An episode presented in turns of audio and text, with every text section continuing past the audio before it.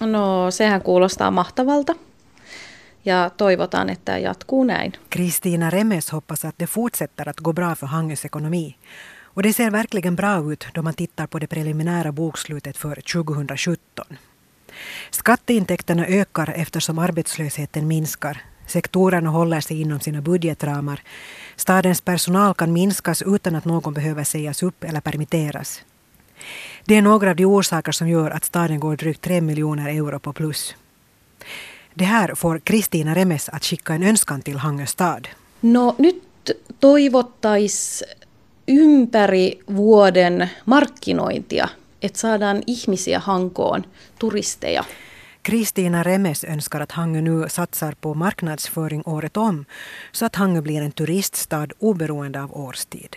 Äh, no tällä hetkellä se on minun mielestäni aika pientä. Toki en kaikkea näe, mitä ulospäin markkinoidaan, mutta toivoisin tosi paljon enemmän. Remes säger att hon inte känner till all marknadsföring som staden gör, men hon önskar att den var betydligt bättre. Det låter väldigt bra i mina öron. Det strävar vi också till här på turistbyrån att, att eh, marknadsföra Hangö under alla årstider. Och, och det att, att staden borde satsa mer på marknadsföring skriver jag också under. Det skulle vara väldigt viktigt att kunna öka budgeten för marknadsföring. Då kan vi få både mera företag till staden, vi kan få mera invånare och mera turister till Hangö. Marika Puljainen är turismchef i Hangö. Hon berättar att turismbudgeten har varit 160 000 euro om året sedan 1999. Budgeten ökade lite i ett skede men sjönk sedan tillbaka till den summa som fortfarande gäller för bland annat personalkostnader och marknadsföring. Pulliainen hoppas att det fina ekonomiska resultatet i Hangö också visar sig i budgeten för marknadsföringen. Det är ju verkligen härligt att staden gör ett så bra resultat och, hoppas att det även syns i marknadsföringsbudgeten framöver.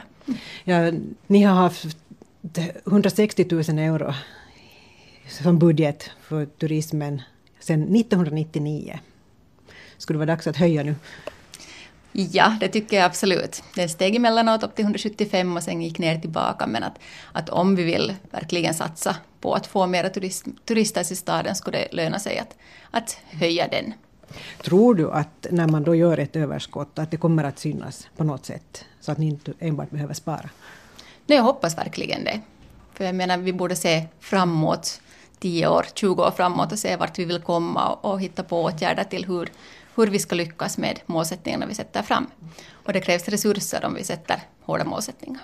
Om du då skulle få önska någonting från stadens sida, så hur, mycket, hur stor skulle din budget vara och vad skulle du göra med den? No, allt extra som kommer in ska jag sätta på marknadsföring så att vi just kan nå målsättningen om att vara en året om turiststad. Um, hur stor skulle den summan vara? Liksom, det är 160 000 nu, men vad skulle du vilja ha för summa? Om man jämför till exempel med, med andra städer här i, i närregionen så är turismbudgeten betydligt större. Raseborg har en, en 300 000 till förfogande och vi har 160 000 för stadens del. Så om vi sätter en dubbel summa till så kan vi göra betydligt mer. Hur sannolikt tror du att det är? Nå, inte säger det så väldigt sannolikt att den ska fördubblas, men att, att jag hoppas på en förhöjning. Nej, tyvärr. Det finns inga pengar att strö omkring. Nej, så enkelt var det inte. Man kan önska sig mera pengar i budgeten, men att få dem är en annan sak.